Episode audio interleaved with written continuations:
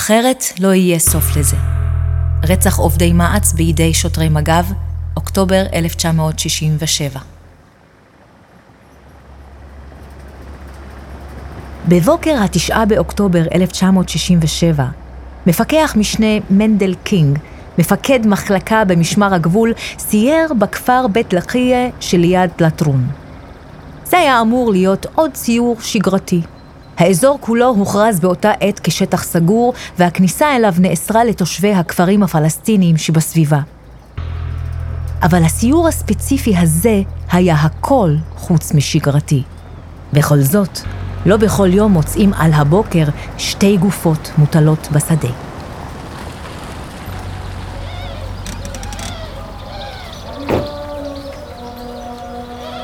ביום תשעה באוקטובר ערכתי ביקור שגרתי בכפר בית ליקיה. שחזר קינג את בוקר האירוע כעבור כמה חודשים בבית המשפט. בסיור זה שוחחתי עם מישהו, וכתוצאה משיחה זו יצאתי לאיזה מקום. הגעתי למקום שבו מצאתי שתי גוויות, אחת של אדם בגיל 45 בערך, והשני יותר צעיר. הרגשתי שנהרגו ושהיה ניסיון לשרוף. ראיתי סימנים של שריפה על הבגדים. ראיתי גם תעודה של אחד מהם על יד גופו. קינג הזעיק מיד תגבורת. עד מהרה הגיעו למקום כוחות נוספים של משמר הגבול מבסיס בית חורון הסמוך. כשבאה התגבורת, אני אמרתי לאנשי התגבורת שיתקרבו לגופות ויסתכלו עליהן, כדי לראות אנשים הרוגים. סיפר קינג בעדותו בבית המשפט. כמה מהם שלא ראו גוף מת לא שמחו לגשת, אבל נתתי הוראה שיגשו. כולם נענו להזמנה לבוא ולהביט בשני המתים. כולם, חוץ מאחד. אחד מהם לא ניגש, וזה היה נהג הרכב. סיפר קינג. לא לחצתי עליו, כי חשבתי שהוא באמת לא ראה אף פעם מת, והוא לא איש מבצעי, ולא רציתי להכריחו בכך. קינג לא העלה על דעתו שנהג הרכב כבר ראה גופות. ולמעשה, את שתי הגופות הספציפיות האלה, ומקרוב.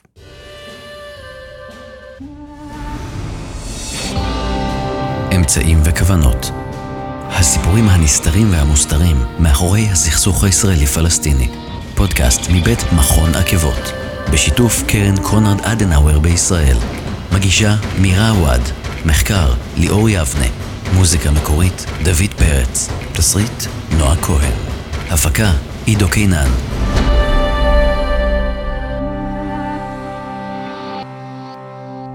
נהג התגבורת שלא שש להתקרב היה אליהו אליאס, נהג מחלקה בבסיס משמר הגבול בבית חורון.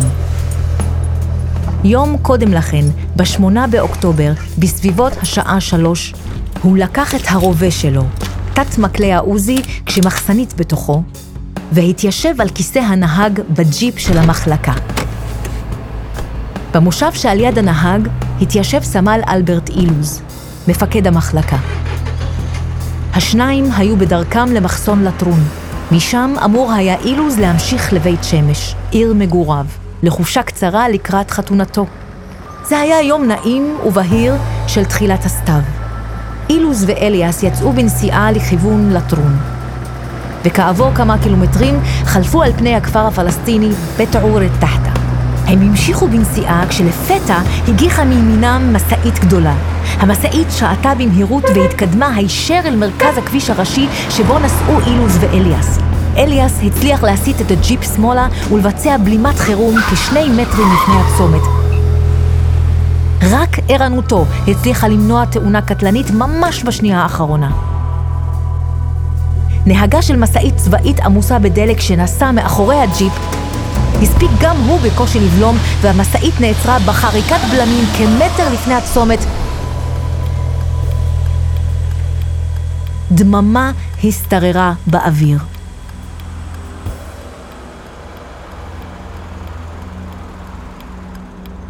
מאוחר יותר, בחקירתו, טען אילוז כי על מחשבותיו השתלטו זיכרונות מתאונת דרכים שבה היה מעורב רק כמה חודשים קודם לכן, ימים לפני פרוץ מלחמת ששת הימים, ושהביאה לאשפוזו.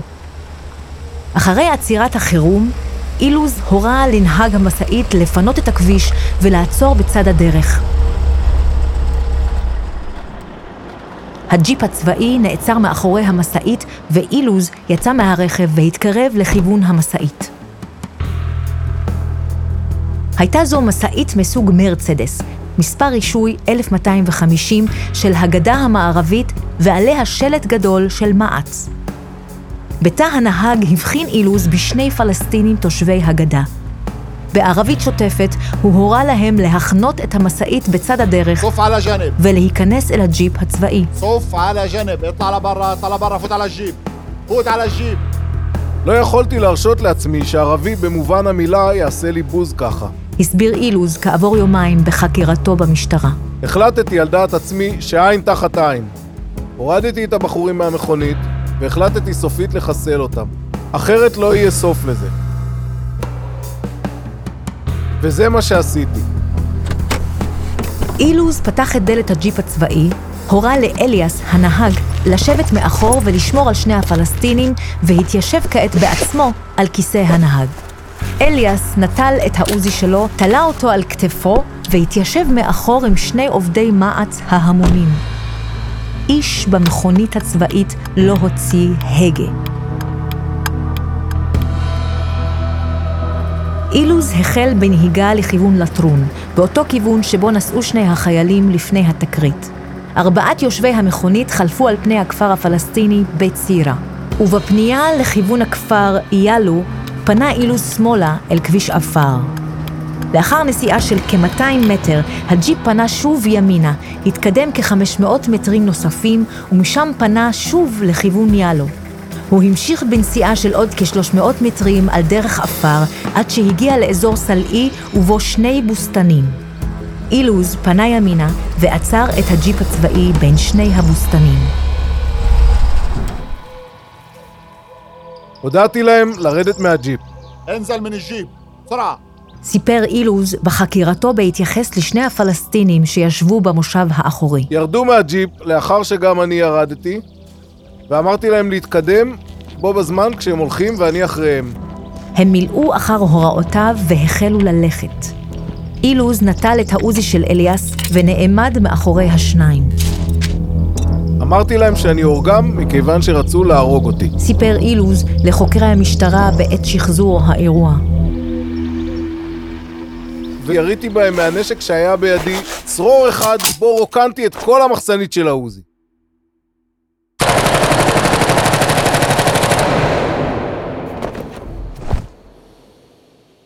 השניים נורו בעודם הולכים כשגבם מופנה אל אילוז, ונפלו אל הקרקע.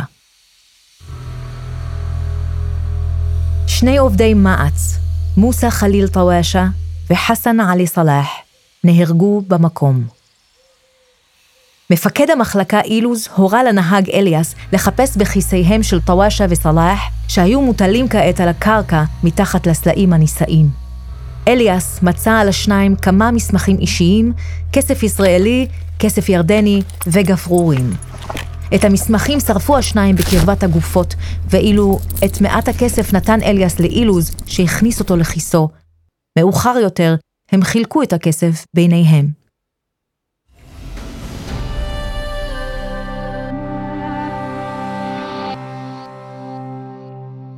סמל אילוז והנהג אליאס לא החליפו ביניהם יותר מדי מילים. הם עמדו להסתלק מהמקום, כשלפתע הבחינו בין הסלעים בתנועה שהבהילה אותם. הייתה זו חלימה חסן דיב עלי, תושבת הכפר הסמוך בית לקיה, שנקלעה למקום ביחד עם שתי בנותיה, בנות שבע ותשע, כשעסקו בקטיף זיתים באזור. עלי העידה מאוחר יותר במשפטם של השניים כי בתה הייתה הראשונה להבחין בהתרחשות מוזרה. אמרה לי אחת מבנותיי אז שהיא רואה ילדים מתחבאים מאחורי הסלעים.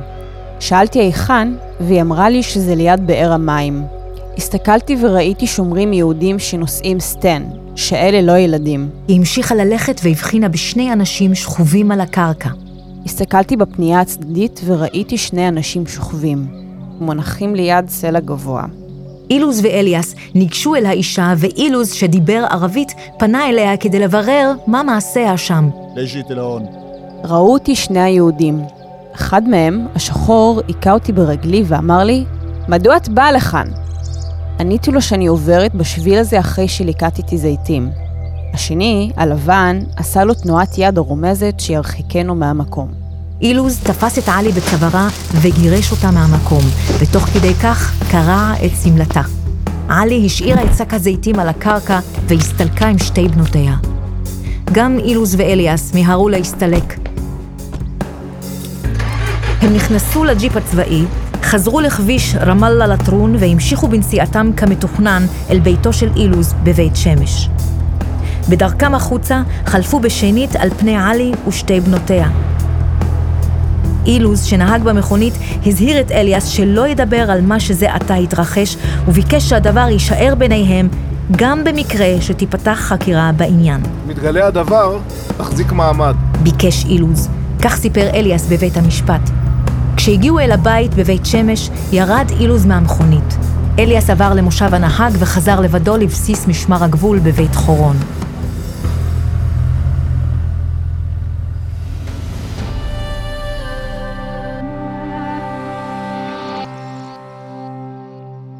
למחרת בבוקר קיבל משה גולן, מפקח משטרת רמאללה באותה עת, ידיעה על מציאת שתי גופות בין הכפרים יאלו ובית נובה. יצאתי מיד למקום. סיפר גולן בעדותו.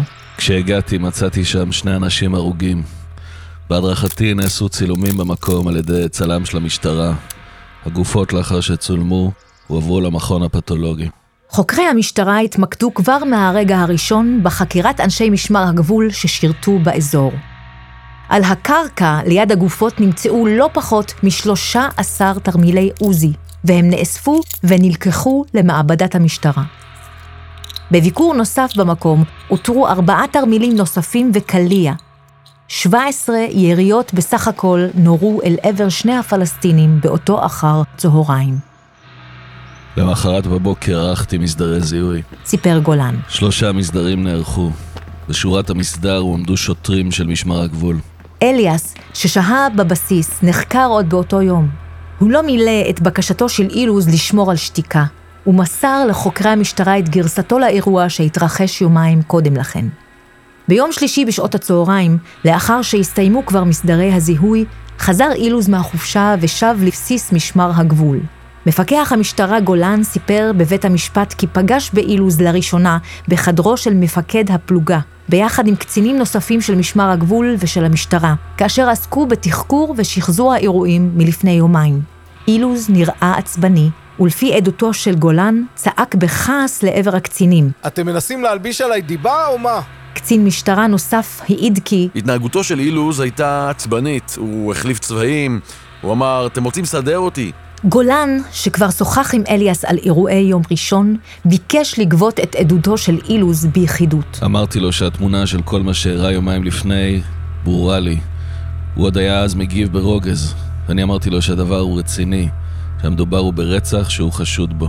אילוז התנגד בתחילה ודרש לדבר עם מפקדו במשמר הגבול, אבל מפקד המשטרה התעקש.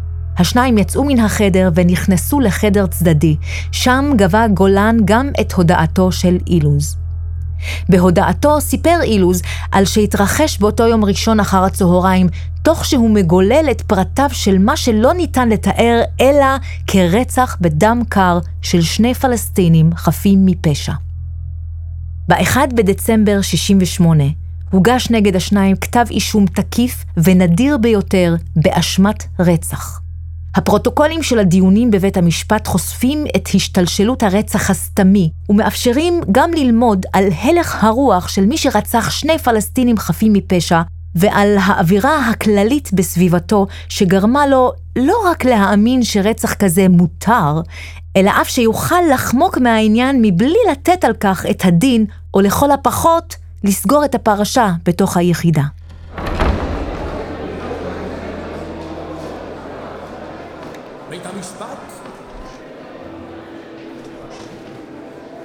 אילוז סיפר לחוקרי המשטרה בהתלהבות בלתי מסויגת כיצד חיסל את שני הפלסטינים. זהו מקרה ראשון שבו הרגתי אנשים, ואני חושב שמקרה זה היה טוב, כי אם לא הייתי מחסל אותם, בוודאי היו מחסלים נוהג רכב הבא. אמר אילוז בהודעתו. בבית המשפט התפתח דיון ארוך בשאלת הודעתו של אילוז ברצח. סנגורו של אילוז טען כי ההודעה נגבתה באופן לא חוקי, וכי הופעלה עליו מניפולציה מצד החוקרים שהבטיחו שאם יספר את האמת על שאירע, התיק ייסגר והוא לא יועמד לדין. הגעתי למצב של שכנוע כזה, שלא עוצרים אותי ולא מעמידים אותי למשפט. אם לא הייתה הבטחה שלא יעמידו אותי למשפט ושלא יעצרו אותי, בשום פנים לא הייתי מדבר. העיד אילוז. מפקח גולן בא אליי ואמר, אנחנו יודעים שלא אתה עשית את העסק הזה. סיכמנו עם המושל הצבאי ברמאללה, בנוכחות אלוף פיקוד מרכז עוזי נרקיס, שלא אתם עשיתם את זה, אלא הצבא עשה את זה, והרי אתה יודע שבענייני בענייני הצבא, הצבא אף אחד לא מכניס את האף. כששאל אילוז איך יוכיחו לו שכך סוכם עם המושל, ענה לו לדבריו המפקח גולן. מה אילוז? בחייך. אה, אילוס, בחייך. לא מספיק שזה לא היה כתוב בעיתונים? אל תשאל איך סילקנו מהמקום את העיתונאים. המפקח גולן הכחיש את הדברים מכל וכול בעדותו בבית המשפט. אני אף פעם לא הבטחתי לו שלא יהיה לו משפט אם ימסור הודעה. מה שהביא את נאשם מספר 1 למסור הודעתו היה לאחר שהבין מדבריי שהאיש שהיה איתו, נאשם מספר 2, מסר עדות מפורטת על המקרה. בדיון על ההודעה, חשף גולן כי אילוז קיווה לסגור את הפרשה בתוך המשטרה, מבלי שהדבר יתגלגל לבית המשפט. לדבריו, אילוז אמר לו, אני איש משטרה ואתה איש משטרה, ואנחנו נלחמים פה. אתם לא יכולים לעצור. במקום לעזור, אתם מנסים לחקור ביסודיות מקרה כזה. מי בסך הכל נהרג?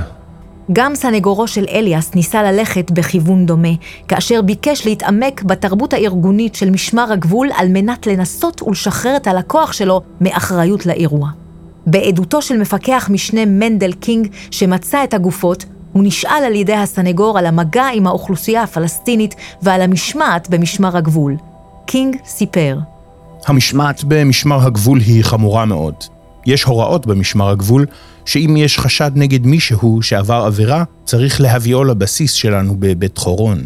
יש לנו הוראות להתנהג באדיבות וגם בתוקף, לא במשמעות של לתת מכות. האם ידוע בקרב משמר הגבול שיש מקרים בהם חיילים של משמר הגבול נהגו לקחת חשודים בעבירה ולהענישם באופן פרטי, הקשה סנגורו של אליאס. כגון שהלכו ברגל, ירחיקו ממקום המעשה ואפילו להכותם במכות? תשובתו של קינג מצויה בידינו, אך אנו מנועים מפרסומה בשל העובדה שניתנה מאחורי דלתיים סגורות. קו ההגנה של אילוז נכשל. בית המשפט קיבל את הודעתו ברצח כראיה קבילה. בשלב זה נקט עורך הדין גישה חדשה. כעת הוא טען כי אילוז ביצע את הרצח כשהיה מחוסר שליטה על מעשיו ונתון בהתקף פרנויה. כדי לבסס את הטענה הוצגה חוות דעת מפורטת של פסיכיאטר שנתמכה בעדותם של שני פסיכולוגים נוספים. גם ארוסתו של אילוז העידה בבית המשפט על ההשפעה הקשה של התאונה על ארוסה, שלדבריה הפך בלתי סבלני, נעשה רגיש, התרגז על כל דבר קטן. אבל גם הטקטיקה הזו של ההגנה לא נשאה פירות, ואילוז לא הצליח לבסס את טענתו. בשלב זה, כשקו ההגנה שלו קרס בשנית, ניסה הסניגור כיוון שלישי ודרש להרשיע את אילוז בעבירה של הריגה בלבד, בשל היעדר כוונה או החלטה מראש לרצוח את שני הפלסטינים. גם ניסיון זה כשל, ואילוז הורשע בסופו של דבר ברצח. במקרה של אליאס, השופטים התחשבו בחלקו המינורי יותר באירוע, והוא הורשע רק בעבירה של סיוע לרצח. אילוז ואליאס ערערו שניהם על פסק הדין. לאילוז גם ערעור לא עזר, והרשעתו ברצח נותרה על כנה. במקרה של אליאס, השופטים דווקא ראו לנכון לצמצם עוד יותר את אחריותו לאירוע ולהרשיע אותו בעבירה מופחתת של סיוע להריגה. אבל גם הם לא יכלו להתעלם לחלוטין מהאווירה שבה פעלו שני אנשי משמר הגבול. אווירה שבה ערך חייהם של שני פלסטינים חפים מפשע מתגמד אל מול מושגים כמו חברות או יחסי מפקד-פקוד. אווירה שבה רצח בדם קר יכול לקבל הצדקה, או לפחות הנחה משמעותית, בתירוץ של אחוות לוחמים או על רקע מאורעות המלחמה. בדרך לבית שמש, כמובן שדיברנו על המקרה, והוא אמר לי שלא לספר דבר על מה שקרה. סיפר אליאס בהודעתו במשטרה על מה שקרה מיד לאחר הרצח של שני הפלסטינים. אבל הוא רק ביקש ולא איים עליי. ובכלל, אני גם הבנתי שמתוך יחסי חברים לעבודה, וגם כמפקד, שלא צריך לדבר על זה. ובמיוחד אחרי שגם חברים שלי נהרגו במלחמה הזאת. זה לא העיק עליי, כי כמו שאמרתי, מול עיניי היה גם נפילת החברים שלי. שופט בית המשפט העליון משה לנדאו, שהיה חבר בהרכב שדן בערעורים של השניים, זועזע מאמירתו של אליאס. בהכרעת הדין לערעור כתב לנדאו כי הוא רואה בדברים האלה ניסיון עלוב למצוא הצדקת מה, בדיעבד, לפשע שבוצע על ידי אילוז. בכך הסתיים אחד המקרים המעטים, אם לא היחיד, של הרשעת איש כוחות הביטחון ברצח, בשל רצח פלסטינים.